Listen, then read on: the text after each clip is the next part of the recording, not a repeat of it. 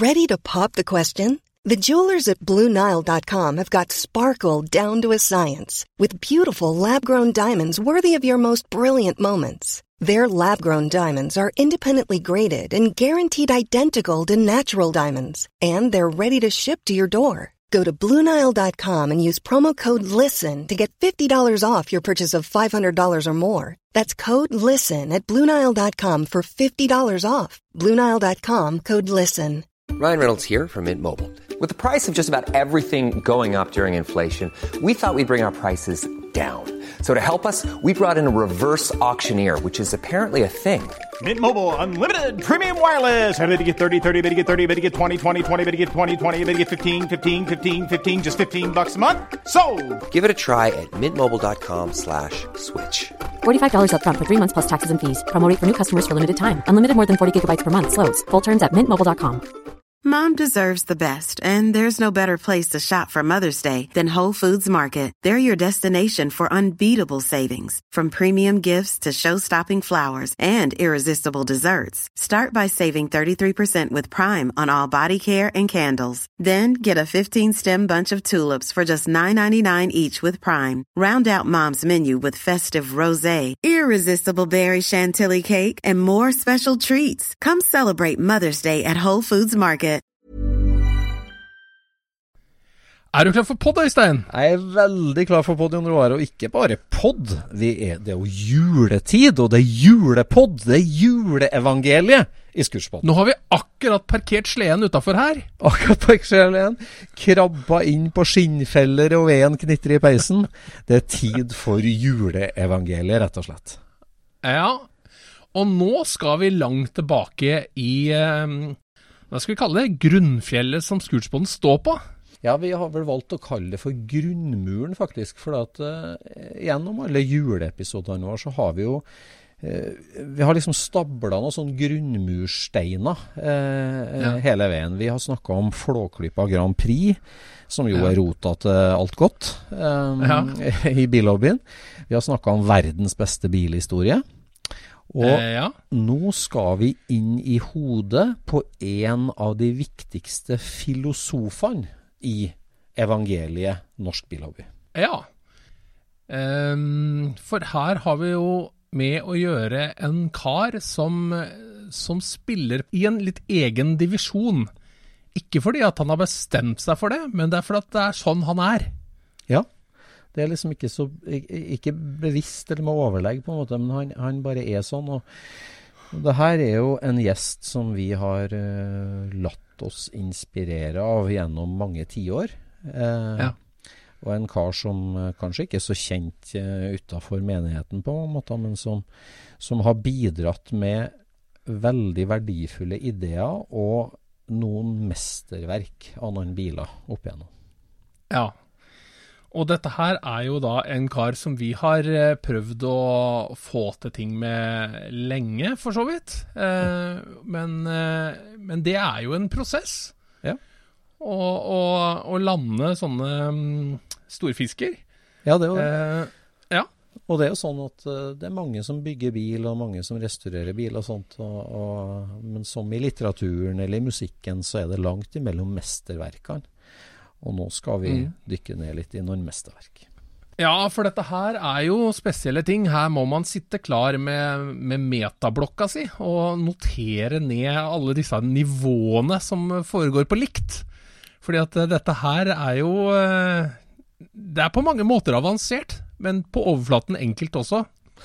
Ja, det er more than meets the eye, som man sier i Amerika. Men at uh, det her er liksom det med som Scootspoden er tufta på. Med, altså det, er en, det, er- er en klar tanke bak ting. Det, er- det, er en- er- om, det, om det er en originalrestaurering eller ombygd eller en spesialbil, så er det en, en, en grunnleggende forståelse av en del viktige tema. Det er et respekt for historien. Det er, Ja. det er blanda med skapertang. Og det, det er nettopp det vi prøver å uttrykke med årets juleevangelie. Det herre eh, tankegodset som går inn i en bil. Eh, Ja. og, altså, vi, vi snakker jo alltid om liksom, ja, det er jo folka som er viktigst. Liksom. Ja, det sosiale. Og han er hyggelig å drikke Ja, ja. kaffe med, og han er hyggelig å sparke dekk med. Men, men egentlig når vi snakker litt i Scootspoden om det, det menneskelige dimensjonen, så er det liksom det, det er tanken og viljen og gjennomføringsevnen. Det, det, det er veldig mye det handler om.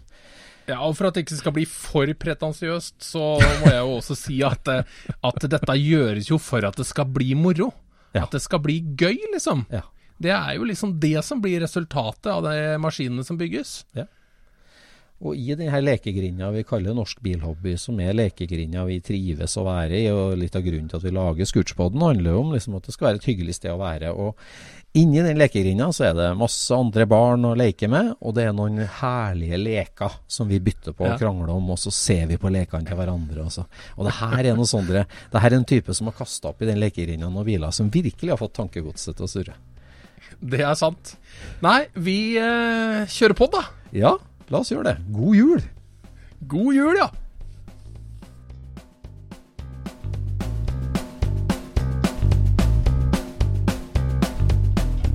Du lytter nå til Scootspodden, en norsk podkast om klassisk bil med Jon Roar og Øystein.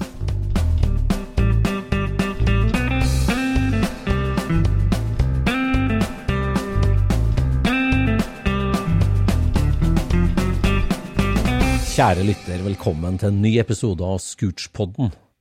Dette er en helt spesiell episode for oss, Jon Roar. Det er det. For i 200 episoder så har vi referert til et slags eh, orakel for en del eh, tema vi har vært innom. Vi har snakka om, eh, altså om det var, om det var da Calluc kom til Norge, eller pionerer på forskjellige tenkemåter. Ja, det er jo noen som er eh, toneangivende, ikke sant? Noen som er toneangivende og langt fram i skoa. Og vi har snakka om, om vår eminente venn fra Nesodden. Venn, vår venn fra Nesodden, som, og referert til han. Og nå har vi altså tatt med oss utstyret, krabba inn i en anonym garasje på utsida, men her sitter vi blant Calluc-deler og motorer og en nydelig nylakkert 1965 911 ved siden av oss. Her er det stemning. Ja. Og det her er altså garasjen til vår venn fra Nesodden, som har tatt imot Scootspoden endelig, Pål Rui. Takk for at vi får komme. Takk for at jeg er her. Du Altså, det, er er her greit, det er greit at jeg bor her, men Ja. likevel. Veldig hyggelig, Pål. Du har vært en inspirasjonskilde for mange, også oss. Så derfor er det med ærefrykt vi går inn i den pod-episoden her. Det er hyggelig. Altså, det er hyggelig å faktisk høre noe, noe hyggelig nå. Ja. Stort sett så har jo blitt folk klaga og syte over hvor vanskelig det er å bygge denne bilen tilbake til original. Og det er jo visse storheter i dette landet, uten at vi skal nevne noen navn, selvfølgelig. Og, og hvor dette var, og når dette var. Men det var vel, svaret var vel bare å legge en eh, stripe når vi dro derfra. husker jeg. Ja, ja. men det, det, er, det, er, det er prisen av å være først, og, først ute med ting, det. Og pushe grenser. Prisen av det er å bli spotta på av og til. Altså det, det rådet jeg vil gi til folk som prøver å gå nye veier, det er å holde ting for deg sjøl. Du må ikke diskutere dette her med verken venner og andre mennesker som forstår seg på det. For det som ender på viset, er at de sier alle at nei, det går ikke. Nei, ikke gjør det. Du kan ikke det. Jeg veit hvordan du skal gjøre dette. Dette har jeg gjort i 20 år. Jeg veit. Ja, ja, Så da er det noen andre som bygger bilen din. ja, ja. Og eh, det var jo mye av det som eh, skjedde, skjedde med meg. Da. Jeg tok også rett og slett eh, Begynte å gjøre ting Jeg var jo nede i garasjen på natta, vet du. Ja. Hoppe ting. Hoppa på ulvene. blant ja, ja. annet. Det er bare rett og slett å prøve å holde korta litt uh, inntil brystet. Fordi hvis du forteller for mye, hvis du, noe av tanken din er å bygge en slags type, type overlevelsesbil eller noe sånt, så Mm. er det viktig at uh, ikke Gud og enhver mann får vite hva det er for noe. For da vet alle med en gang Ja. hvem det er. Nei, og du vil jo ikke ha en kollektivt designa bil. Du vil ikke ha en bil bygd av en komité. Ja. Du skal ha en klar tanke. Og det er jo det jeg tenker på, Pål, med deg, at altså, du har hatt en sånn Du har jo bygd veldig mange biler. Du har en veldig imponerende CV, og det rangerer alt fra Fra turkise Calluckere til helt brutale eh, Porscher. Det, du har jo bygd og solgt bil som står på de aller flotteste samlingene i verden i dag, Porsche. Så du har et enormt spekter og en veldig klar tanke om hvert prosjekt. Og en kompromissløs gjennomføring. Altså du, du er jo Altså Snakk om nuts and bolts og detaljer. Du har en utrolig evne til å liksom fokusere prosjektene. Ja, altså det med, det med prosjektet er at jeg kan bare gå rundt på et uh, marked og finne en del, Ja. Eller en gjenstand. Ja. Og da begynner jeg å spinne noe rundt det. Jeg velger ikke ut noen bil eller noe sånt. Det, det kommer etter hvert, hvilket sjanger den skal være i og sånne ting. Så det kommer av seg sjøl. Altså jeg må si det er en altså, det er en lånegave jeg har fått. Altså. Det er, jeg vet ikke hva det er for noe, men uh, det er uh, Ja, men kommer av seg sjøl, rett og slett. Og opp gjennom åra så har jeg alltid gått med en liten eh, bok. Jeg skriver ned ting. Tanker. Bare sånn helt ting som bare kommer seilende. Og etter at jeg eh, Nå har jo dere vet, jeg har jo ble behandla for kreft her for eh, et par år siden. Og etter det så har jeg mista veldig mye av energien min. Og jeg trodde faktisk jeg hadde eventuelt også mista evnen til å komme med på sånne litt sånn rare ideer. da. Ja. Men uh, her i forgårs faktisk, så fikk jeg en eller rad med nye ideer. Ok. Ja, Så jeg passa på å skrive ned dem. Ja, så Og, boka, eh, boka var innenfor rekkevidde? Boka var innafor rekkevidde. Jeg, Ja. altså, når jeg ikke har boka, så må jeg jo sette opp lapper. Ja. og det henger en del av dem rundt omkring i huset. Og det er, det er, deler, det er um, ting og, og tanker som ikke har vært brukt eh, ennå, altså, som jeg har fra 10-15-20 år tilbake. Ja. Ja, for det, det er en veldig viktig ting. at Veldig mange bilentusiaster de snubler jo over en bil i en garasje eller på en annonse, og spinner ut ifra det. Eller de vokser opp med en 12M til, til bestefar, og så blir det 12M. Men du har, har jo liksom bygd altså Historien og narrativet er mye større enn sjølve bilen. Bilen blir bare én del av fortellinga, på en måte. Det stemmer det. Det blir bare en del av puslespillet, egentlig. Mm. Eh, Det er der også mye av eh, viktigheten er å ikke spre for mye informasjon, rett og slett. Fordi hvis du skal gjøre en jobb ordentlig, så må det være så bra at ingen mistenker om. Mistenker i det hele tatt at det er noe tull, eller at det er noe annet enn det folk ser. Ja, ja nettopp. Så, Ja, Det optiske er jo viktig for deg, Ja. selvsagt. det Ja. så jeg driver stadig og plukker opp ting eh, på markeder og sånn rundt omkring i verden som jeg kan bruke da, i, i en eller annen setting. Ja. Og du husker jo husker når jeg bygde, bygde det brune Calluckeren, vet du, så hadde du sett det brevet, husker du? Ja, det husker jeg veldig godt. Det fake brevet fra with Toad. Ja, ja. Ja, nå hopper du litt i Det verste er at jeg fant det brevet her for uh, i fjor eller noe sånt. Jeg leita etter noe annet, det dukka opp. Så det er det der, det brevet. altså. Ja, det er det. Men det som, det som du har liksom gjort til en sport, er jo det også En, en forfatter han kan jo skrive en, eh, en eh, dokumentar eller noe skjønnlitterært. Og du ligger jo akkurat i grenselandet, men du gjør det med bil. Mm, ja. Ikke sant? Du prøver å danne et, eh, et stillbilde fra en eller annen tidsperiode, eller ja. liksom prøve å bygge en historie og plante et frø i hodet på den som ser. Og det gjør jo at veldig mange av dine prosjekter blir ja, vanskelig å forstå for andre, men de ser hva du har prøvd på, men de skjønner ikke hva det er de ser. Nei. Altså, mange skjønner jo ikke vitsen. De går jo opp lurer på Hva var det du gikk på her, Pål? Var det kokain, eller hva var det for noe? Eh, Så det er, eh, altså det, er, det, er det, som er, det er det som er problemet, altså. Eh, Det er ikke noe problem, kan du si, da, men når, når den historien kommer ut fordi hvis noen kommer og spør meg rett ut, så sier jeg også rett ut hva det er for noe. Ja. Legger ikke noe skjul på det, liksom. Altså. Men, det, er, men det som er planen eh, når jeg setter i gang et sånt bygge, det er å gjøre det så bra. Så det er ingen som noen gang setter noen spørsmålstegn ved noen ting. Altså. Nei, nei. Nei, det, det, det er imponerende, altså, hvordan du har greid det. For jeg tenker at Du sier at du plukker opp en ting, eller en, en tråd, en tanke, og så spinner du ut ifra det. Men mye av det tankegodset er jo basert i en veldig sånn dyptgående kunnskap om det her temaet. Og det tenker jeg at du hadde altså For å snakke om Calluc, da. altså eh, California Look-fenomenet, de tidlig ombygde stormotorboblene som, som rulla rundt på 60-tallet og senere 70-tallet.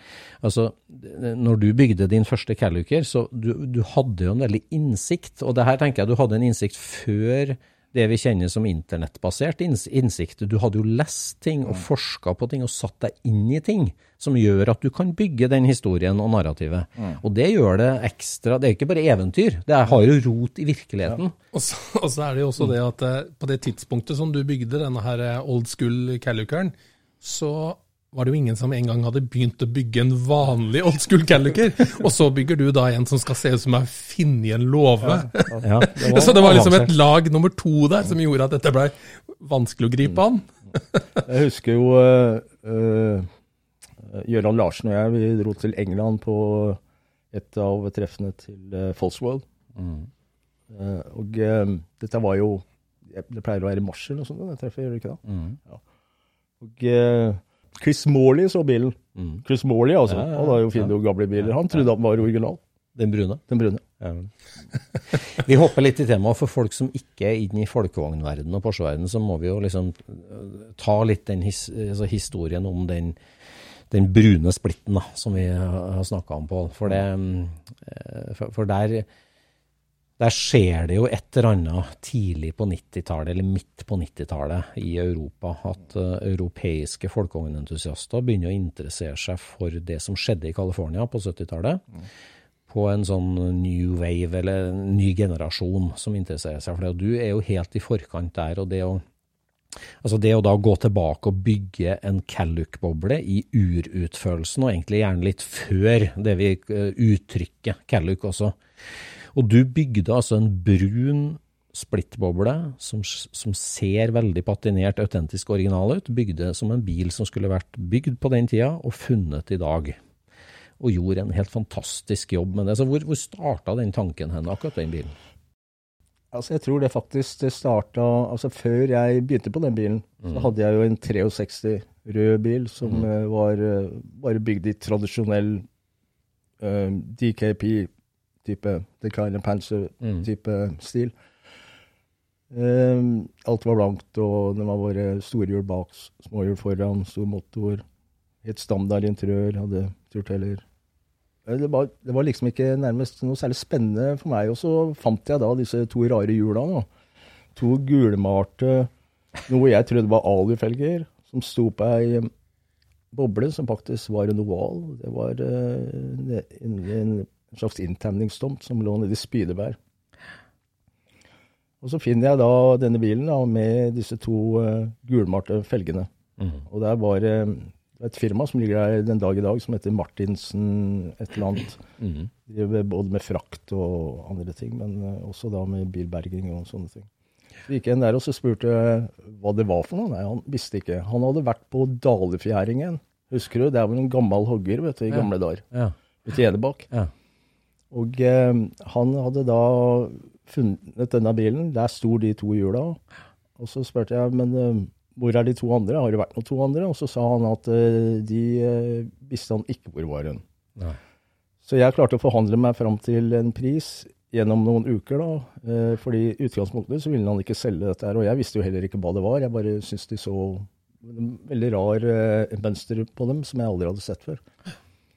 Så eh, det, vi, det jeg sa var at ok, eh, om jeg gir deg 500 kroner Mm. og uh, tryller fram Fordi de var flate, de dekka da, som, som denne bilen står på.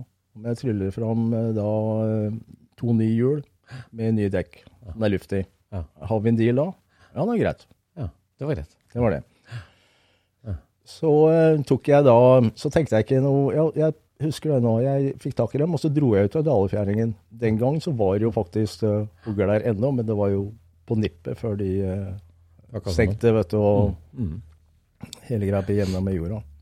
Og da fant jeg ut at de to felgene de hadde antageligvis forsvunnet opp til et eller annet eh, som metallforedlingstype firma, som eh, et smelteverk, altså, som lå et eller annet sted oppe ved Skedsmokorset. Så jeg dro opp dit, og de to hjula blitt pælma i ovn eh, dagen før. Oi! Dagen før. Så jeg var nærme, altså. Oi, Greit. Ja. Ja. Ok, så den gangen så kjørte jeg rundt med en eh, gammel pickup. Um, en uh, folkevogn pickup, selvfølgelig. Det var uh, en um, Kan det ha vært en 62-63, jeg husker ikke. Uh, som jeg hadde kjøpt fra Sigdal brannvern. Ja. Helt original bil. Fantastisk med blålys og alt som det er. Og jeg visste jo ikke så veldig mye om disse hjula, så jeg heiv dem opp på planet, og der lå de i kanskje to til tre år. På planet der. Ja, i, ute i alt slags vær og vidd. Og Gjøran, husker jeg, Gjøran Larsen skulle låne bilen, han skulle flytte eller noe sånt. Så, så de hjula, de lå på der. Hvorfor jeg ikke la dem under planet, det er jo et mysterium, fordi under planet er det jo tross alt et rom. Ja, ja. Men eh, langt om lenge ja, så begynte jeg altså å gjøre noe med disse hjula. Tenkte at jeg kan få den der eh, fæle gulfarven.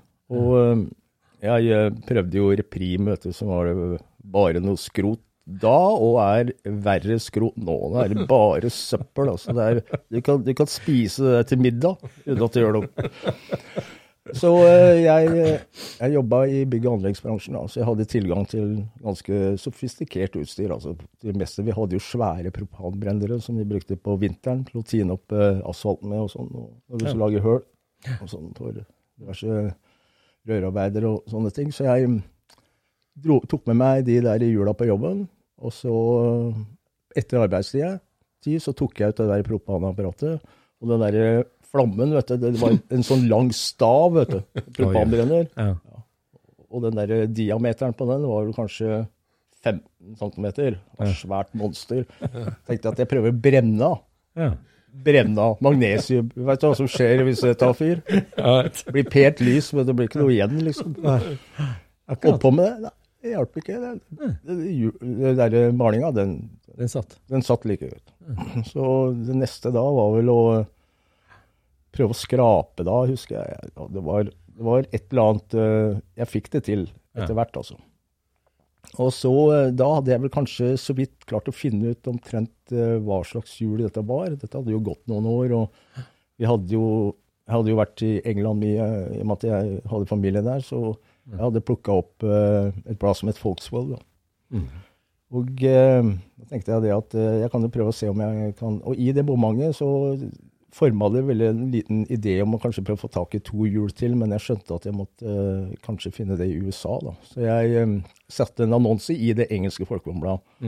Og da var det Ivan McCutcheon, da, som eh, den gang var, eh, skrev eh, var journalist der, bare sånn på freelance. Og han hadde jo et eh, sett med sånne, og han ville kjøpe de felgene med en gang. Men jeg sa vel egentlig at jeg har egentlig lyst til å kanskje bygge noe ut av det, eller eventuelt få tak i to til. da. Så han hjalp meg å få tak i to til. Eivind. Så det hele, Så Hvilket år var det da at du var i Spydeberg og fant de felgene? Midt på 90-tallet, da? Jeg prøvde å, prøvde å tenke på det der tidligere i, i dag. Altså. Jeg gjorde det. Det var eh, Kanskje det kan ha vært i eh, 91-92, kanskje. Jeg, jeg husker rett og slett ikke. Altså. Fordi jeg tror nemlig jeg eide den eh, pickupen samtidig som jeg eide dobbeltkabineren. Ja. Og den dobbeltkabinen, den eh, Det skjedde jo med den i noe i eh, Jeg hadde kjøpt den i 87, tror jeg. Mm. ja. Og så eh, fikk jeg lakka og modifisert og sånn i de neste åra. Men du vet, i den epoken der så var jeg gjennom flere biler. Ja. Det, var, det, er- det er forbausende egentlig hvor mange biler jeg har klart å bygge altså, i løpet av en bare liten kort periode på fem-seks år. Og sent på 80-tall, tidlig 90-tall. Men felgene du fant, Felgene jeg fant, ja. det var ja. faktisk ja. Det var jo da ikke alu, som jeg trodde. Nei. Det var magnesium. Ja. fant vi da ut. da. Og eh, jeg fant ut at på de to hjula jeg, eh, jeg hadde, så var det, de var daterte. Ja. Eneste følgen i verden som er datert. Ingen andre følger er det. Veldig rart, egentlig. Så det er vel ingen som Men jeg har jo eid et, en NOS-felg også, Ja. som jeg kjøpte fra Bill Schwimmer Ja. for massevis av herre, herrens år siden. Den, hadde, den var jo NOS. ja. Den var oksidert og greier, men eh, den hadde ikke noe datostempling, da. Ja, For det er jo da den legendariske BRM-felgen BRM-felgen, en da. som ble lagd eh, i England, Mm. solgt av MP i USA, som den, en lett ettermarkedsfelg til, som er the holy grail i folkevognverdenen. Holy Grail, ja. Og dem fant du på et høggeri i Spydeberg. ja. Og de har vært i Norge siden de var ni. vært i Norge siden Ja, det, det tror jeg faktisk Ja. eh, de har vært. For jeg snakka med klarer ikke å huske noen navn, men eh, det var en eh, Norge har jo hatt noen fantastiske eh, racerkjørere og rallykjørere opp gjennom åra. Men han her drev med Formel V og hadde vunnet massevis av både inn- og utland i USA. og Jeg husker ikke navnet hans. Han bodde et eller annet sted her, her nede, nede i Halden eller noe sånt. Ja, Jeg ringte han, husker jeg. Svarterud. Svarterud, ja. Stemmer. Og spurte han om disse felga, og han Måten han for, jeg forklarte på, så syns han han kjente igjen uh, utseendet iallfall på dem. da. Så det er mulig at de kan ha brukt det i med. Ja, for det her er jo lenge før selvfølgelig internett, og det, det var jo ikke lett å finne ut av det. Dette var mm. rare ettermarkedsfelger som du aldri hadde sett før. Og det var ikke bare å google det bildet, det er vanskelig å forstå for dagens uh, ungdom, skal si. Men, men, men det her, ja, det krevde jo forskning Det var, det var mer som måtte til. Altså. Så jeg klarte å få tak i uh, tre felger til. Jeg måtte ha et reservehjul. Mm. Så eh, de, de fikk jeg da via, via USA. Det var Hector Benilla, som også var en del av DKP-systemet. Han hjalp meg også på det. Det er jo en klubb som sagt man ikke blir medlem av. Du blir jo Mm. tatt opp der. Det blir, eh, Men de felga var jo sjeldne allerede da. de, de var sjeldne allerede da, ja. Det var det. Så, eh, så det jeg gjorde da, var at jeg, eh, jeg så jo da at alle hadde sånne polerte felger, og, jeg drev, og da hadde jeg den røde bobla. Jeg drev og grubla på om skal jeg sette de felga på den bilen, fordi de hadde noen sår og sånne ting, og jeg hadde jo sett da et sett med felger som kom fra USA opprinnelig, i England, hos en, eh, hos en eh, kamerat av Ivan, husker jeg, en som het eh, Peter Hassett, som jeg var på engelske BMW i England. Og han hadde da et sett med felger som var polert, maskinpolerte. altså. Alle eikene var blitt runde, og det var helt forferdelig å se på. Så Ødelagt helt. Så da tenkte jeg det, så, så, mens jeg satt der og sleit med dette eh, berømmelige supermiddelet for eh, sånne ting, som heter Brazo, eh, for å få det blankt, så, så, så fikk jeg dårlig samvittighet. altså. For det ble mindre og mindre. altså jeg mener, Det, det var ikke dype groper, men du følte liksom at det, det tok mer og mer av overflaten. vet du, Fordi du kunne polere den ene dagen, så gikk det tre dager, så var den ikke grå igjen, for den oksiderte vet du, i lufta. Ja. Og der begynte ideen. Ja. Der begynte ideen å bygge en bil rundt hjula. Ja. Så jeg måtte bygge en bil som hadde, var, hadde, var på samme nivå som hjula. De var slitt og merka. Så det var der det begynte. Ja, for du kjenner, ja, egentlig, du, du kjempa egentlig litt mot tidens tann ved å prøve å polere og få dem til å se ny ut. Og tenke at liksom den, det levde livet, det patinerte, var mer ekte. Mye ekte, ja. Så det jeg gjorde, var at jeg fikk dem rensa så mye jeg kunne uten å ødelegge dem noe særlig. Så dro jeg på eh, ja, det er sikkert biltema, jeg vet ikke om det eksisterte engang, men jeg dro og kjøpte iallfall en billig sort lakk. Vannbasert. Så hadde jeg på den to lag eh, i midten av eikene. Og så venta jeg i kanskje halvannen uke. Så tok jeg en høytrykksspyler. Ja. Og så, fordi da flasser lakken av, vet du. Fikk jeg looken jeg ville ha. Ja. Så der er det begynte. Der begynte. Men uh, før det så var jo de hjula gjennom et sant mareritt vet du, for å prøve å få dem til å se litt eldre. fordi da hadde jeg allerede polert eh, de to hjula jeg hadde. Mens da de andre hjula som jeg fikk fra USA, de eh, var gamle og grå. Ja. det Skulle få alle fem til å se likedan Ja. ut. Så, eh, og da var jeg de ganske blanke. da, Så da jeg gjorde da, tenkte, fikk jeg en sånn fiks idé. da. Så det jeg gjorde, jeg kjøpte ti kilo salt, og så heiv jeg det i badekaret. Og så rørte rundt så det ble, hadde litt varmt vann, da, så det løste seg opp. Og så uh, putta jeg de hjula, da, dette var jo på kvelden, skulle legge meg, så jeg la de hjula oppi der. Og så uh, tok jeg dem opp eh, på morgenen, før jeg skulle på jobb. Spilte dem av, og så la dem ute i entreen, husker jeg. Hadde det skjedd noe med din over natta da, eller? Over natta hadde det ikke skjedd noen ting. Så ingenting. Det var ikke noe som ville, kunne tilsi at det skulle skje noe. Nei. Så kom jeg hjem fra jobben da, sånn halv åtte på kvelden.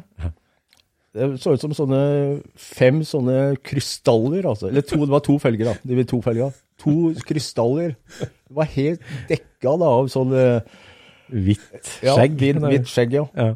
Helt utrolig, altså. Det var, Fikk du hetta da, fantastisk. Ja, da, da fikk jeg skikkelig hetta. Så jeg fikk uh, skrubba alt det der, brukte kniv og gud veit hva. Putta dem navn ned det badekaret igjen, uten salt. Og lot dem ligge natta over. Tok dem opp igjen, og så skylte dem godt eh, etter det igjen. Kom hjem fra jobben. Var nesten like ille, altså. Ja. Så det jeg gjorde da, var at uh, tenkte jeg, nå må jeg begynne å tenke litt annerledes. Ja.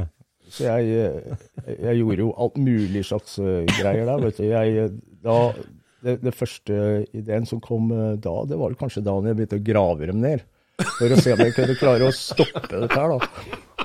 Og det, Og det var for å stoppe stopp, saltattakken? Stopp, den der saltattakken. Så du, du tenkte jeg graver dem ned i hagen? Gra, graver ned i hagen, ja. Så jeg hadde funnet ut at Altså, jeg, hadde jo venninner som var gartnere, så jeg gikk og spurte dem om For jeg tenkte en type sur jord, da, noe som kanskje kunne stoppe noe av dette her, saltgreiene.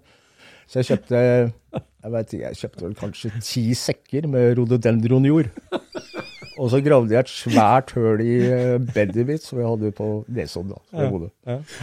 Og uh, dette her var vel kanskje sånn i jeg vet ikke, jeg var vel i september eller noe sånt. Jeg tenkte ikke så merkelig, jeg skjønner ikke. Jeg tenkte ikke noe særlig over årssider akkurat da, men eh, jeg gravde, lagde et svært høl og brukte den jorda jeg gravde opp, den brukte jeg til å fylle inn noe øl i noe gressplen, tror jeg jeg hadde. Og så eh, tok jeg og putta de Først så dekka jeg da i bånn da med rhododendronjorda. Putta jeg da disse hjula lagvis, og så dekka jeg til og, og brukte vann. Vanna felgene. Det er til og med av meg hvor jeg står og vanner de felgene. Jeg har vel det et eller annet sted. En magnesiumlasagne? Lasagne, noe sånt, ja. Og så eh, Men så, eh, ja, så glemte jeg da, på en måte. Så, på en måte jeg glemte de jula, utrolig nok. Hadde vel sikkert enormt mye på jobben. Jeg jobba i bygg- og anleggsbransjen, og det var et endeløst kaos. Og det var eh, mer enn nok å, å holde på med. Så eh, kom jeg på, da, sånn eh, rundt i Kanskje var det desember eller januar. Å, pokker felga, ja. Det, da var jo bakken steinhard, vet du. Det var jo bare helt håpløst. Ja. Da fikk du bruk for med. Spett og det som var. Vet du. Jeg tenkte at det er jo helt håpløst. Jeg kan bare glemme. Så jeg fikk dem jo opp, ja. Sånn rundt i tidlig mars, eller noe sånt. Og det var noe der omkring. Og så ja, da, de, de så ikke så gærne ut da, så man det var de, de, kunne ha sett bedre ut, egentlig. Så, eh, men eh, det var fortsatt saltutslag, altså, utrolig nok. Etter å ha vært i jorda så lenge. Og da huska jeg, tror jeg Etter et sett så brukte jeg noe sånn eh, type Et eller annet maskinfett eller noe sånt. Noe sånn skikkelig heavy duty-greier. Gneide dem inn med det. Og Så ja, Ja.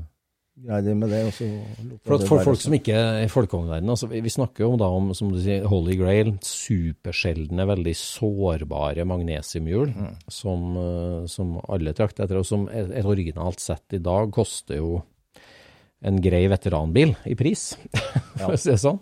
Så det her er jo veldig verdifulle ting og spesielle ting som du da meisla ut av er permafrosten på permafrosten, ja. Nesodden. Ja, ja, og det var, jo, det var jo Dette her kom jo for eh, Det var jo flere som plukka opp eh, akkurat det der at jeg holdt på med disse hjula. Dessverre så er det ikke alle du klarer å holde dette for.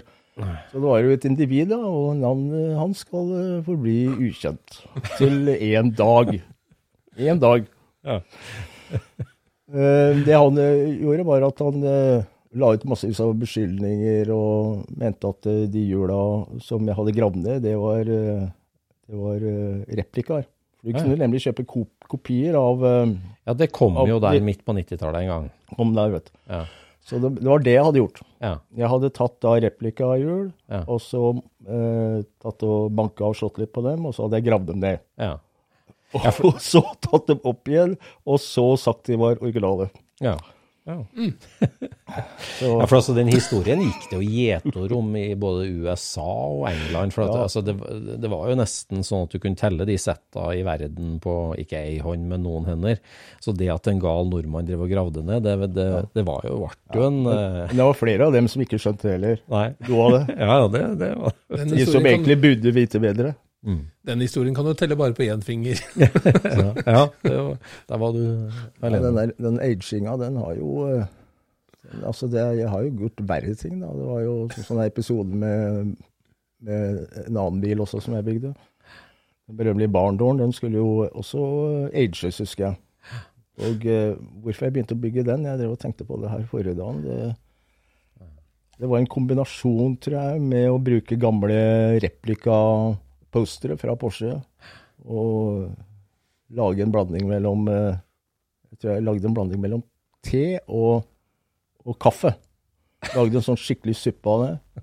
Så klepte jeg Og disse posterne, de, de, er, eh, de er nytrykk, altså, av de gamle posterne. Så jeg klepte bort den hvite kanten, som er eh, sånn som de er nå om dagen, så du kan ramme dem inn. Ut den hvite kanten, og så eh, putta jeg dem i denne her laka da, nærmest som jeg har laga av eh, kaffe og, og te. Lot den ligge der, og gjorde dette på sommeren. Mm. Og så tok jeg dem opp, og det som skjer da, ting som er vått, som tørker, det blir, blir sånn bølgete og sånn, vet du. Det er perfekt. Så eh, hadde jeg en ting som jeg husker jeg lærte Jeg gikk jo i barnehage i noen år, husker jeg, da jeg var uh, veldig ung. Og eh, da lærte jeg å lage eh, lim ut av mel og vann. Ja. Perfekt. Så da lagde jeg det, og så, og så uh, klistra jeg opp disse her uh, posterne. Ja. Trikset var jo selvfølgelig også å prøve å klistre dem sånn så de var i riktig rekkefølge, vet for det var jo og ja, ja, ja. Men, men det gikk, altså. Så, så det, og så lagde jeg da baklokket på denne barndåren. da. Fikk en eh, Det var faktisk en eh, kompis av vår eh, venn Ritchie Ja. i England, Ja. som det restaurerte gamle fly. Spitfire og sånn, sånn, hvor han restaurerte. Og da fikk jeg han til å lage et uh, identisk baklokk. Mm. I aluminium. Det er det du ser der oppe. Det der. Og det, det er med de samme presningene. Det er helt identisk Ja. til originallokket. Bortsett fra at den er slett på utsida. Ja. Alt som er innvendig, er helt likt. Helt likt. I aluminium. i alle. Vi hopper litt i temaet. Vi vi må tilbake og ta Ja, ferdig litt den, den, narra- altså den brune splitten. For at ut av de her felgene fra rododendronhagen, rhododendronhagen, ja. så har du også supersjeldne Holy Grail, Calluc, magnesiumfelgene. Mm. Eh, og, og du begynner å spinne den historien at, at eh, hva om en hel bil hadde sett sånn ut? Og det var en ny, altså så patinert, og det var en veldig ny tanke, Pål, den gangen. For det, da, da, altså midt på 90-tallet så skulle alt være blankt og nyrestaurert eller nybygd.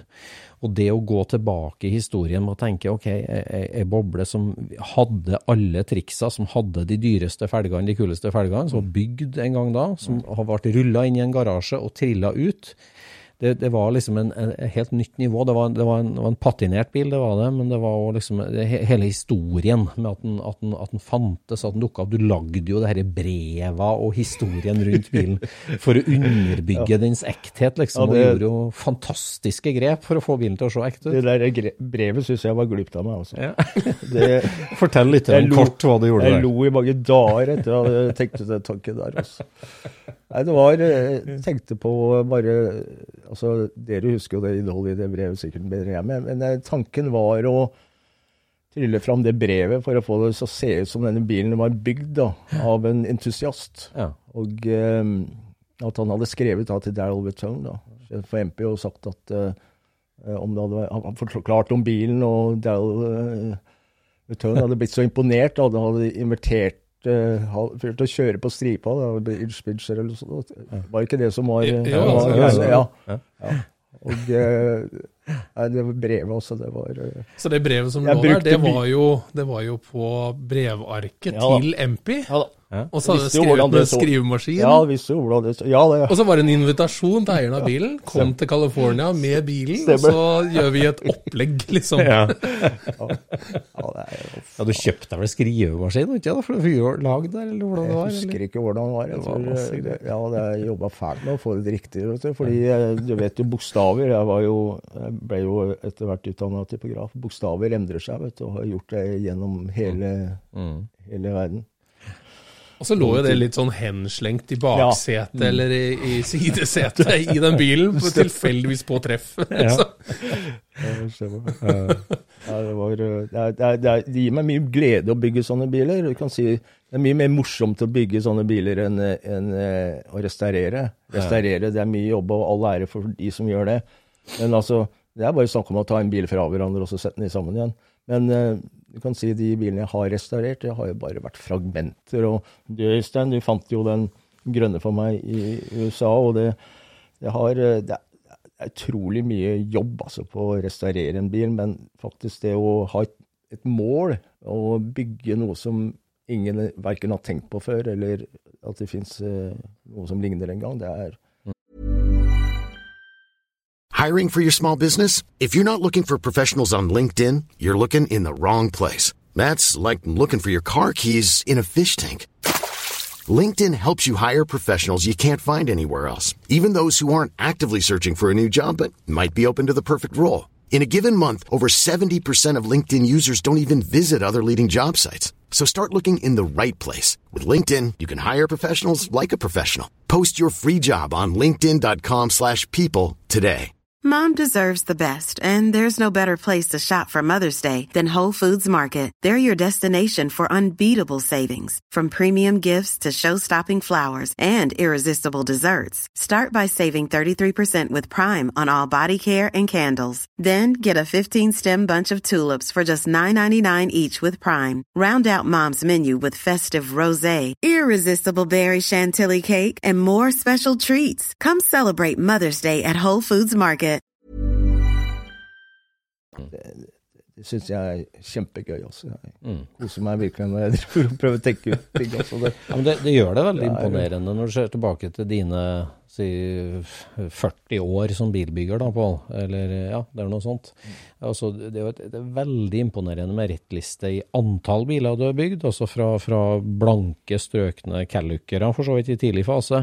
Og så da en, en håndfull av virkelig grundig sånne hva skal jeg si, der du har bygd narrativet og hele historien rundt bilen, tatt det helt ut med, med detaljer og, og gjennomført det. Du du har bygd en håndfull sånne biler, men også superrestaurert originalbiler. Mm. Eksempel en av de eldste Porschene som, ja, som finnes i verden, men som, som i hvert fall den eldste som har vært i Norge, som du tok helt nuts and bolts. Og du, du var jo førsten som da Vi får snakke litt om det, dykke litt ned i originalitet. For da, da var jo du veldig tidlig ut med at du, du måtte ha Porsche med delt frontrute. Og fant jo en sånn i, som en basket case i USA. Og tok en hjem og starta på en nuts and bolt-restaurering. som- Altså, du du var jo den første som introduserte begrepet merking av bolter. At man måtte ha riktig bolthode på hver bolt. Husker du, det, du, du kjøpte vel en BMW-deler for å få til riktig var- det var mye, mye jeg kjøpte, altså. Det var eh, et kamp, altså.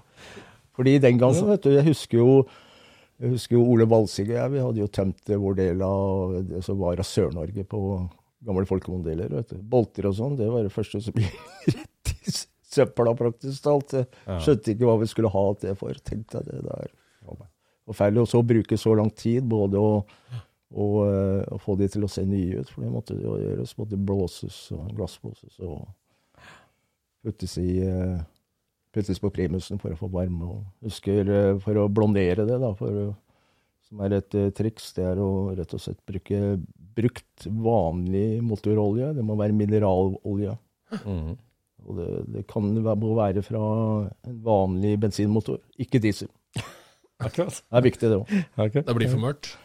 Ja, det blir altfor mørkt. Ja. Ja. Så det er uh, Men hvor, hvor fikk du liksom den inspirasjonen til å restaurere bilen original, da? Er det, jeg føler jo ikke det er helt samme greia, men altså var det, det- for å gjøre utføringa større, eller hva, hva tenker altså, Den var, den 50 den var såpass unik, og i den farvekombinasjonen Jeg tenkte at det må jo se helt rått ut altså, når det der blir ferdig. Mm. Ja. Det må være noe helt enestående. Så det var, det var eh, Og jeg husker jeg dro til Teknoklassika.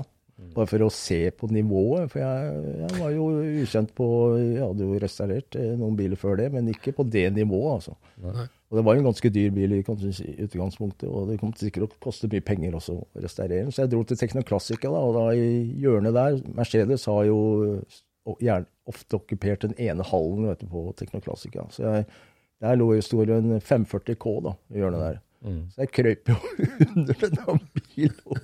Folk gikk og snubla i beina mine, husker jeg. Så vi gikk rundt der vet du, og lurte på Hæ? jeg gjør for noe der nede? Og eh, det var skuffende å se, altså. Ja. Hva de hadde. Det var eh, rustfrie skruer under. Stjerneskruer, selvfølgelig. Det så ut som, eh, det som de hadde vært på Biltema, altså. Det var, det var helt forferdelig. Så jeg eh, bestemte meg at jeg skal jaggu meg klare bedre. Ja. Og jeg, jeg husker jo det var eh, en eh, amerikansk eh, eh, restaureringsekspert. da. Du husker hvem han er, du Øystein? Du Ja. var og besøkte den. Ja, jeg vet det. Mhm. Han hørte at jeg var fra Norge. Jeg kunne ikke fatte og begripe at noen fra Norge kunne helt klare å restaurere en bil. Nei. Ja, det var helt utrolig. Også. Ja. Hvilke farger Ja. var den bilen? Mm. Eh, radiumgrønn. Radiumgrønn. Mm. Med grønt interiør. Med grønt interiør, ja. Mm. Og grønne, grønne tepper, og det var helt Ja, utrolig. helt nydelig. For en For en bil, ja. ja for det der var jo et uh, grunna, tomt skall med masse pappesker som Mm. plukka opp i Colorado. Og så viste det seg jo, som du sier, at den hadde en av de mest ettertrakta fargekombinasjonene. Den var vel solgt ny eh, av Gløckrer, var ikke det? Stemmer det. Ja. Eh, så, så den hadde jo tysk historie før, eller østerriksk historie før eh, USA. Og, jeg tenker at altså, ja, Når du da begynner å se på hvordan var 90-tallsrestaureringene i Porsche-verden, og mye tysk bilverden, så var det jo som du sier rustfritt stålskruer, og det var liksom litt sånn amerikansk filosofi. Alt skulle være nytt og blankt. Og, og, og, og når du da går inn i et sånt prosjekt, altså... så, så velger du da den vanskeligste ruta, og den nye veien, må vi jo si. For at du satte jo standarden med den chassisnummer Mm. 53-55. Det. Var ingen som hadde sett en sånn Porsche før, når Nei. du var ferdig med den. Ja, det er riktig. Men det skulle se ut som ny, ikke sant? Altså, det var, det var viktig i og med at eh, den var hva den var, den bilen. Altså, så gjøre det riktig. Egentlig, Mm. fordi jeg, jeg var lei av å se sånne shortcuts, som du sier, Mm. blant annet. Og ikke få de riktige skruene og alt det der greiene der. Så det skulle ikke være fordi du kan gå rundt på et biltreff og du ser fantastiske biler, men det er de siste tre prosentene, altså. Mm. Du ser kanskje et teppe som er bare kutta over med en saks, og man har glemt f.eks. å putte inn en sånn piping eller gjort et eller annet som Det er et eller annet som mangler, det, og det, det drar ned hele greia. Altså. Mm. Er Bare, Men jeg tenker på det med, med kunnskapen om det. For at, altså, ja, I dag så er det jo mye mer kjent. mye sånt. Det har blitt- utdanna flere for så vidt eksperter på det, i, i hermetegn. Og Porsche sjøl har jo gjort en jobb i å grave i arkiver og sånn. Men når du starta med det her, så var jo det upløyd mark. altså Det var jo ingen du kunne ringe til og spørre om det. Hva var bolthodemerkinga på vindusviskemotoren? Ingen visste jo det. Nei, det, altså, det, altså Nå har det seg sånn at eh, en ting som er eh, til stort eh, irritasjonsmoment, kan du si, for, eh, for flere av oss, det er noe av det som står på veggen på Porsche-museet. Som står på veggen? Ja, veggen? på Porsche-museet, når du kommer inn der, så fant de plutselig ut fem år nedi, nedi etter bygginga var ferdig, at uh, nå skal vi ha en slogan på veggen. Og jeg husker jeg sa til Dieter Landenberger, en god kamerat som den gang var uh, sjef for arkivet, at Porsche sa aldri det. Lam Ferruccio Lamborghini, han sa det. Ja. Han sa at 'jeg fant ikke den bilen eh, jeg ville ha, så jeg bygde den'. Ja. Og det står at Porsche gjorde. Porsche gjorde aldri det. Nei. Hvis du veit noe som helst altså, om Porsches historie, og det burde i hvert fall Porsche gjøre De har jo verdens beste arkiv i andre etasje der, og får jo fortsatt å få ting feil. Så Porsche var ikke den typen. Nei. Hans mål var at han skulle bygge en sportsbil ut av folkevogndeler. Det var det som var hele konseptet. Ja, ja. Mm. Hadde ikke noe sånt at ja, nei, jeg fant ikke bilen her. Altså, men han var ikke den typen i det hele tatt. Så sånn flåsete greier. Altså ikke det at du All respekt for uh, Ferruccio Lamborghini, altså virkelig. Det er, Mm. Han har bygd flere av mine absolutt favorittbiler. Og Mm. eh, han absolutt sa det, fordi det går jo historier om at han satt Mm. Utafor venteværelset vet du, til Ferrari vet du, og klagde over alt fra kløtsjer til alt som ikke fungerte. vet du. Mm. Og eh, han, han var jo han bygde jo traktorer, han eh, Ferruccio, og, og før det så hadde han jo tatt seg av nesten hele bilparken og til um, det italienske forsvaret da, Mm. i, under krigen. Reparert også for tankser og alt sånt det gikk. Så han hadde jo utrolig kunnskap. Mm. Det han gjorde, han lærte alt det derre alle tekniske fagbøkene Mm. eh, utenat, og så brant den de bøkene. Og jeg var helt sikker på at han var den eneste som kunne, så det er ganske utrolig. Altså. Men det du Men, skal men, tilbake til men, absolutt at uh, Ferruccio Lamborghini sa det, det er jeg helt overbevist om. Mm. Han klarte også å bevise at han eh, absolutt kunne bygge en bedre bil. Altså. Men det, for det du er litt innpå der, egentlig, med Porsche, da, det de skriver på veggen og, og sånn altså, For at du er du, Altså, det med at man ønsker å fortelle historien på en måte eh, eh, altså, The corporate Porsche ønsker å fortelle historien på en måte, mens at det er ikke nødvendigvis den ekte historien, som du sier. Altså det, den filosofien og hvordan man starta, hvordan man bygde bilene. Du lærte deg jo ganske mye om det. Vi bruker en rest av taktrekket til å legge mellom der når det trengs. Ja. Eller, altså, altså, man, altså, filosofien i det der Mm. er ikke så ekstravagant som dagens historiefortellere vil ha det til. på mange måter.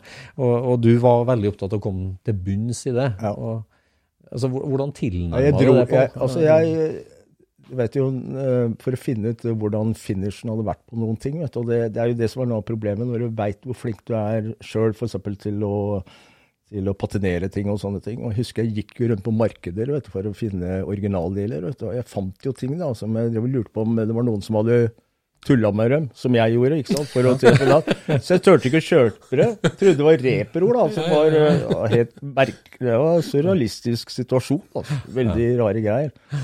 Men, eh, men det var, eh, det var eh, ja, det var problemer, altså. Absolutt. Med å finne ting og, og gjøre ting. Da. Men hvordan visste du hva du skulle ha? Hvordan fant du ut det? Ja, altså jeg eh, klarte å få innpass på Porsche relativt tidlig. De, de så at jeg var dedikert, og jeg fant jo mye ting. Både biler, deler, bilder og andre ting. Jeg var jo Jeg var i, i en del land, altså, og så på, på biler som eh, var overlevere. Såkalt overlevere. Ikke mye igjen, men overlevere. Mm. Og da øh, gjorde vi en avtale. Jeg sa det at øh, kan jeg få noe informasjon fra dere, så kan jeg gi dere informasjon. Og det var helt opp. Og det gjorde, jeg gikk gjennom hele arkivet deres, vet du. Du fikk fri tilgang? Fri tilgang til Til arkivet. arkivet til Porsche? Ja. Og øh, jeg, de, øh, og jeg gikk gjennom og sa, for de hadde et fantastisk bildemateriale, og det er ikke noe som er som bilder, altså, og fotografier for å se hvordan ting har vært. Det er, det er, altså, det er helt uvurderlig. Og jeg gikk gjennom der og sa at øh, det er veldig mye feil i det der arkivet deres. Biler som er 50 er, er katalogisert som 52. Mm. Greit, gjør noe med det. Ja. Så du fikk carte blanche, Så jeg fikk carte blanche, så jeg gjorde det. Det tok meg kanskje kanskje et halvt år til sammen. Og sette alt sammen sammen igjen. Altså, så alt er nå riktig i forhold til år og sånne ting. Så du måtte lære, lære dem opp litt, rett og slett? ja, ja, de, ja, ja altså Porsche, Porsche er Porsche, men bevares, de, de, de er på vei. Ja. Men da fikk du lov da, til å avfotografere bilder og tegninger Ja. Mm. og alt mulig, og kom, ja. og kom til dybden i hvordan den 50-mannen skulle se ut. Absolutt. For det her er en, eh, ja, det er en mars 50, ikke det? Eller, nei, nei, det er sein 50. det var, det var, ja, det var en sein eh, 50. ja. Sen 50. Desember var det. Ja. som var. Og det, de var jo håndbygd i bilene, de var veldig tidlig ute, ting forandra seg jo stadig vekk. Og det å få alle detaljer, alle overflater riktig, ble jo en obsession for deg. på. Altså, ja, det er absolutt fra 50 til uh, 51, for eksempel, sånn som ble produsert i mars eller noe der omkring, så tror jeg jeg regna at det var rundt 19 forskjellige detaljer som var annerledes. Ja. Ja. Så det er mye, men du vet jo, de var jo nesten på prototypstadiet, vet du, de bygde den i 1950. Mm. Så Porsches eh, store mål var jo bare bygge 500 biler. Ja. Han regna ikke med at det var noe marked, noe særlig marked for noe mer. da. Da bygde jo over 70 000 av disse 356-ene, så det ble jo en anselig mengde etter hvert. da. Din bil var nummer 355. Min var 355. ja. Men, men så da etter ti års nitidig restaurering, og, og det- var nesten det, var ikke det? Ja, det var, var mer enn det, altså. Mer enn det, kanskje? Men, Så- altså, før du tar det, Mm. hvordan restaurerte du den? Altså, hvordan, den var rusten, eller var den ikke rusten? Eller Den, var den var ganske rusten. Og det som er problemet med den bilen, hadde akkurat som mange andre biler av det kaliberet, eller hvilke som helst biler, egentlig, om det er folkevogner eller hva det er for noe, de eh, har en sånn rundtur Ja. Gjennom alle de som er interessert i sånne biler, og alle tar sin del, og så erstatter de det med noe annet. Mm. Ja. Som gjerne er mye dårligere, eller ikke hører med til bilen i det hele tatt. Så Ja. dette her var en sånn bil, da. Så uh, det var mye deler som mangla, og han som jeg kjøpte bilen uh, av etter hvert, fant det ut seinere, at det var ting som uh, det var jo, Som jeg kjøpte da i årene etter, som det var chassisnummeret på, og var til og med merka med chassisnummer, kom fra den bilen, som han fint kunne ha gitt med bilen, men nei da, jeg måtte betale for det. Og det, da, i det momentet der, så tror jeg faktisk han glemt, hadde glemt at eh, det var jeg faktisk som skulle ha de delene. Så, eh, og, men, men den gang, i starten så var ikke kunnskapen min så veldig stor. Jeg, jeg prøvde å bygge det opp, men det som er et veldig problem i og med at ting nå er blitt så mye verdt, det er vanskelig å få tak i ting og sånne ting, så må du prøve å stole på mennesker. og Det var vel egentlig mens jeg restaurerte den bilen at jeg fant ut at jeg stoler på folk. Det går ikke, også. Fordi de skal bare tjene penger. Ja. Så de kan finne på å si at uh, den delen her, Pål, den passer de, akkurat bilen din. Det er en folkevogndel, men den er til bilen din. Det var jo ikke det, vet du. Det var jo noe helt annet. Og, Så ja, det var flere tusen kroner som gikk bare rett i bøtta, altså, fordi det var feil deler. og sånne ting. Så, og, så du kan si den policyen min, den, den går ikke sånn greit. Uh, jeg kjøper en del til en overpris, og det er ikke sånn at jeg på død og liv eh, skal ha den prisen. Jeg, jeg, jeg klarer rett og slett ikke å, å lure folk opp pusseri. Så jeg har tapt utrolig mye penger, altså. På, for jeg må jo selge de delene. Det er, det er ikke noe jeg trenger, så da selger jeg for en brøkdel, altså. Det er jeg glad for. Ja, det der var, det var Men altså, du satte en ny standard, og du var jo, altså, du var jo tidlig ut, Pål, der. Altså, den, den der verdistigninga og populariteten på de tidligste Porschene, det var jo Det, har, jo- det, tok, det tok jo helt av i senere tid. Ja, ja da. Det, har, det tok ganske mye av. Absolutt, det har det gjort. Ja, for, for, kan si, egentlig for, for 20 år siden, 25 år siden, så var det jo litt sånn at eh, en Porsche 356 er en Porsche 356. Så den derre differensieringa med at en splitt Porsche kontra en senere 356, det, det der har jo tatt helt av de siste 20 åra. Og du sto jo midt oppi der, du lanserer den bilen som som, som, som legger en ny standard i hele verden for en så tidlig Porsche, rett og slett. Og det, det refereres det jo til i dag, ja. fortsatt. At den bilen eh, definerte en ny standard, rett og slett. Det, det, Det er mange som bruker den bilen som en sånn rettesnor. ja, det sånn. Men for deg da, Pål, som da liksom Altså, du, du, du har jobba med folkevogn i 20-30 år, du får dilla på Porsche, du setter deg inn i Porsche, kjøper splitt-Porschen, ti års restaurering kommer til Hvordan er det da å bli ferdig med den? Altså, det, det smykket som sto i garasjen hjemme på Ulven der, hva, hva skjer da hos deg? Ja, det, det kom, bare, kom til et punkt egentlig, hvor det blei for mye, altså, rett og slett. Og jeg hadde lagt ned ganske mye penger i den bilen. Og eh, altså, problemet er å finne ut Jeg, jeg har aldri vært noe glad i dealere, vet du. Og eh, når det gikk gjennom Dungeltelegrafen at denne bilen var til salg, så fikk jeg noen telefoner fra USA. Ja, men Bestemte deg for å selge den, altså? Gjorde du Ja, det? ja da, jeg, Hvorfor det? Jeg, jeg, jeg gjorde egentlig det. Jeg hadde vel eh, noen drømmer om noen andre ting. Sikkert. Som jeg da heller ikke kjøpte, selvfølgelig. Mm. Men uh, så uh, fikk jeg da en telefon fra en, en, um, en um, amerikaner. Han sa at uh, kan, Og da var vi på internettens tid. Så han lurte på om han kunne sende meg en e-mail. Og så sa jeg ja, du kan godt sende meg en e-mail. Ja, det gjelder bilen din og greier. Først så kom han med et helt sånn utrolig skambud. Så, så jeg, jeg skrev vel det at, eh, at, eh, at eh, du må komme med noe bedre nå. Fordi eh, jeg har ikke tenkt å gi den eh, Det er altfor mye jobb, rett og slett, i den bilen. Og, og så sa jeg det at jeg du tilhører en yrkesgruppe som ikke er blant favorittene mine, sa jeg. Du sa det? Ja, det sa jeg til. Og så kom han med et helt vanvittig bud. Altså. Det var helt sjukt. Jeg kan si hva det budet er. 750 000 euro. Ja. Ok. Ja. Så det sa jeg nei til. ja. Og jeg har aldri, likt- aldri likt dealere. Hater dealere. Ja, og du selger ikke til en dealer da? De, de er ikke interessert i bilen, de er bare interessert i penger. Ja. Så han kunne, sikkert, han kunne sikkert snudd seg rundt på en femøring, og så sikkert tjent eh, et par hundre tusen oppå der igjen. Men, men hvordan visste han at den var verdt 750 000? Hvordan visste han det? Ja, han, han hadde sikkert en kunde. Ja. Det er jo sånn det er, vet du. Jo, jo, men altså, Hvorfor var akkurat din vært? Hadde noen vært og kikka på den, eller åssen var det? Den hadde vel sikkert vært en reportasje da, tenker jeg. Ja, det hadde det, ja. Du vet, Ja, ja, ja. Du, vet jo, du husker jo Kisum og kompaniet. vet du, kom jo hit. Det var hit på ja, Når var det, ja? Var det 40-årslaget mitt jeg hadde? Husker du det? Ja. For 20 år siden? Ja, ja. Det må jo være noe sånt nå. ja, 20 år siden, ja.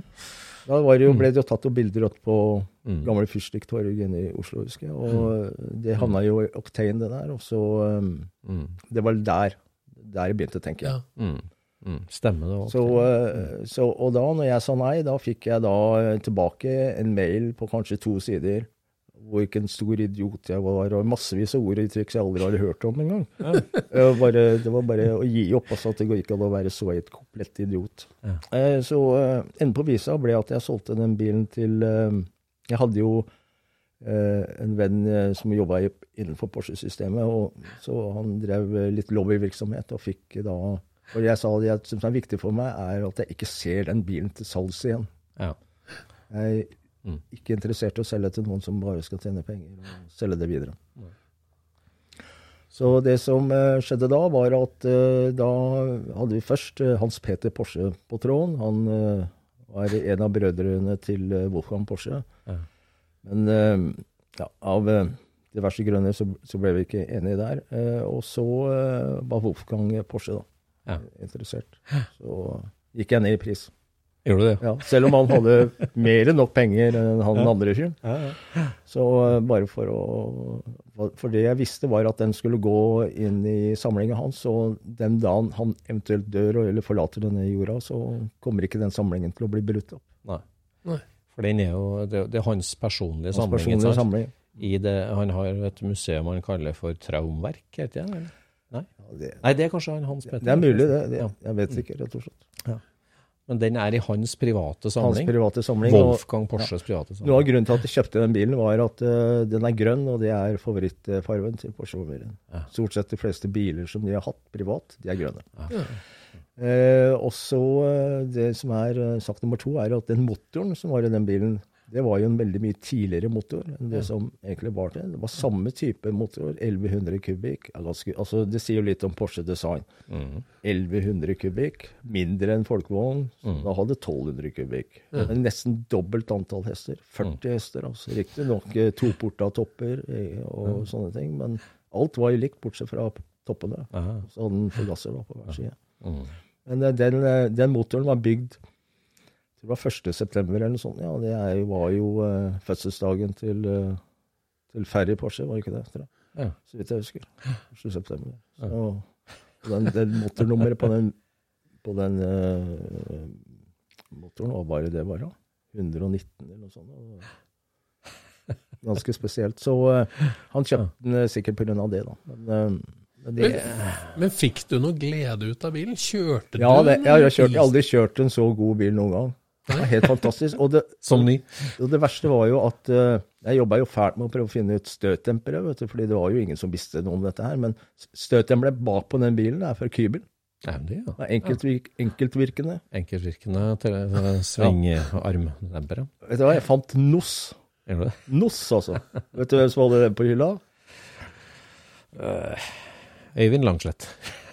Bob Shale. Bob Shale, ja. Nei, ikke Bob Shale. Unnskyld. Unnskyld, Unnskyld, det var feil navn. Det var Bob eh, Vår venn Bob eh, på BBT har det. Ja, det var Van Co- der Heist. Det var Van der Heist, ja. Ja, ja. Det var Cobus som fant dem, husker jeg. Gjør du det? Fantastisk. Ja, så du kjørte den, jeg husker du var på tysklandsturné med den, og, og, og så ender den altså opp eh, hos Porsche-familien. Så det er jo et sånt ultimat eh, hva skal jeg si, aksept eller godkjenning av den, da, på en måte. Det er jo det. Det gjorde, jeg, altså Før den eh, kom så langt som til Porsche-familien, så eh, bestemte jeg meg for å ta den, eh, den bilen rundt på en sånn en, eh, europatur. Så å avslutte restaureringa og alt det der. Jeg holdt på med det der i så mange år. Så jeg gjorde en avtale med eh, Porsches egen fotograf, som het Frank Orell den gangen. Og eh, var innom studioet hans i fire dager, tok en masse bilder. Og, og så dro vi på eh, på Porsche-museet da, med den bilen en dag. Og det som skjedde da, var at alle som jobba på fabrikkene rundt der, og Porsche-museet, kom ut i gatene se på den bilen. Det var helt utrolig. Det var et kaos, altså. Midt utpå der. Kjempekaos. Moviestar in town. Så, eh, og eh, så drar jeg hjem igjen til Norge, og så fikk jeg en telefon fra, fra eh, eller annen person som jeg ikke helt husker navnet på. Eh, Hun eh, lurte på om jeg kunne tenke meg å låne ut eh, bilen da, til Ja. en sånn spesielt jubileum som de hadde. Og så sa jeg det at ja, det er ikke noe problem. Lurer på hva jeg skulle ha for det. Så sa jeg jeg skal ikke ha noen ting for det. Og så sa jeg altså, vi snakker om penger, ja, jeg skjønner. Jeg skal ikke ha noe for det. Så bare for å bevise at det er ikke bare snakk om penger, Nei. dette her. Så bare dere sørger for transport, forsikring og sånne ting, så holder det lenge for meg da. Så når bilen kom ned dit, da, så hadde de jo, fikk de jo mellom 250 til 500 mailer om dagen på den bilen. Gjennom Folk som ville kjøpe? Ja, alle, nei, de lurte på hva det var. Folk hadde jo aldri sett det der, noe sånt før. Men farver, og det var helt eh, voldsomt. Så, Han var stilig. ja, den, den, den har, jo, har jo noen flotte bilder der hvor den står på toppen eh, oppe i museet der. Også. Det nye museet er fantastisk. så Fantastisk museum. Eh, Og for en ære, tenker jeg, for en bilbygger fra Norge, da, med altså, merittlista di, at du liksom leverer der. Det er Jeg husker, husker jeg sto der og forklarte de berømmelige eh, Nav-kapslene, Ja. som det har vært så mye diskusjoner om, i England Ja. blant annet. Men det, det var eh, Altså det er flere som irriterer seg over at de kapslene er på biler som er fra 1950, fordi de satt jo aldri på biler i 1950. Nei. 49 så var de der, men ikke i 1950. Og, Ja. Men det er, det er jeg som starta den galskapen, dessverre. Fordi eh, jeg så, fant et gammelt bilde med de gamle kapslene, og det jeg skjønte med en gang eh, hva som hadde skjedd der. Også. Det, var, eh, det, det, det var bare en filosofi jeg hadde. Sånn var det der. Fordi det var folkevogn som hadde de kapslene. Altså samme utseende uten folkevognmerke, men da den store ringen. Så min filosofi var vel det egentlig at i og med at Porsche hadde dette som en drøm å bygge en sportsvogn ut av folkevogndeler, så hadde han erverva seg også så noen uh, folkevogndeler som også var laga under krigen. Han kjøpte dette restlageret, blant annet kapsler, som kom da kanskje i 46-47. Men da bare uh, også bare banka ut uh, folkehåndlogoen. Og så Ja. krumma det på nytt. Det var det. Så jeg forklarte dette her til uh, sjefen for museet, vet du, og pluss en hel sånn skokk med andre folk som sto der oppe. Jeg holdt et sånt lite foredrag. vet du, Det var jo helt fra seg budrygg. Så det var, det var De få minuttene der var fantastiske. For det her er liksom en vanlig fembollkapsel, bare at du Van- tar vare på den helt ytterste ringen rundt Ja. logoen. Og så fikk jeg da Richie King da, til å lage et verktøy. Så sa jeg til Richie, husker jeg, at eh, det som kommer til å skje nå, er at eh, For jeg måtte betale for verktøyet, vet du. Ja. Alt det der. Han, du vet jo Ja, for du, du starta jo med folkehåndkapsla og pressa med, ut starta med folkehåndkapsla og banka ut av logoen. Ja. Og så kobra og eh, krumma hele greia på nytt igjen. Ja. Og da var det sånn at når du snudde kapselen, så kunne du se restene til folkevognen Ja, på ja, baksida. Jeg, jeg, jeg kan godt tenke meg at det var sånn det var da. Og Richie, da, det, hva er det han gjør for noe? Jo da, det første han gjør er å sel- lage et sånt sett til, og så selge til han eh, Simon Bowery, da. Ja. Som plutselig eh, lager den verste greiene, vet du, og sa at ja, på, nei da, det der, det satt på bilen min, var ny og sånn. Og så tenkte jeg at ja, greit, hvor mye bråk skal vi lage om bilen din, tenkte jeg da. Den som egentlig har to chassisnummere. Husker du det? Ja, jeg husker godt. Det var en battle der i et par år. med- Når jeg endelig får sosa meg og når jeg kommer på det der Facebook, så skal jeg skrive en hel avhandling om de der navkapslede. Ja, jeg for. Oi, oi, oi. Ja, ja. Nå, vi, nå har vi jo vært igjennom en del her, og, og, og et eh, slags høydepunkt selvfølgelig når du leverer den bilen til Porsche, der han fortsatt står. Men Pål, det, det, det starta jo ikke helt der eh, for deg heller. Du, du, du er jo en unggutt som vokste opp i Oslo og fikk bobledilla på et punkt. Helt klart. Så vi må litt tilbake i tid og starte der eh, med din første bil Pål. Men det får bli i neste episode. Ok. Ja. Ja. Da kommer vi tilbake til det. Scootspodden produseres av SSC Media, med god hjelp av VV Norge og Trond Dahl for hosting, Knut Micaelsen for musikk. Abonner på Scootspod via podcaster eller Acast, og følg Scootspod på Instagram og se det vi snakker om. Der kan du også komme med kommentarer og innspill, og fortelle oss hva du vil høre om.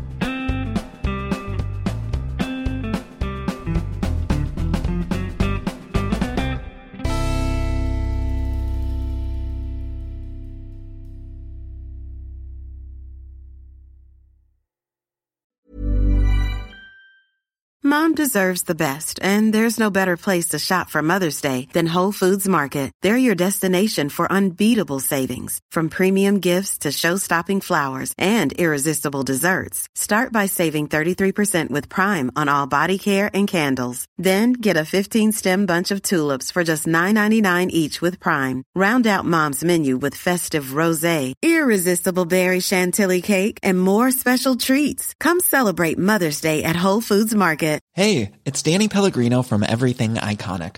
Ready to upgrade your style game without blowing your budget? Check out Quince. They've got all the good stuff shirts and polos, activewear, and fine leather goods, all at 50 to 80% less than other high end brands. And the best part? They're all about safe, ethical, and responsible manufacturing. Get that luxury vibe without the luxury price tag. Hit up quince.com slash upgrade for free shipping and 365 day returns on your next order. That's quince.com slash upgrade. Hey, it's Paige DeSorbo from Giggly Squad. High quality fashion without the price tag. Say hello to Quince. I'm snagging high-end essentials like cozy cashmere sweaters, sleek leather jackets, fine jewelry, and so much more. With Quince being 50 to 80% less than similar brands. And they partner with factories that prioritize safe, ethical, and responsible manufacturing. I love that. Luxury quality within reach. Go to quince.com slash style to get free shipping and 365 day returns on your next order. Quince.com slash style.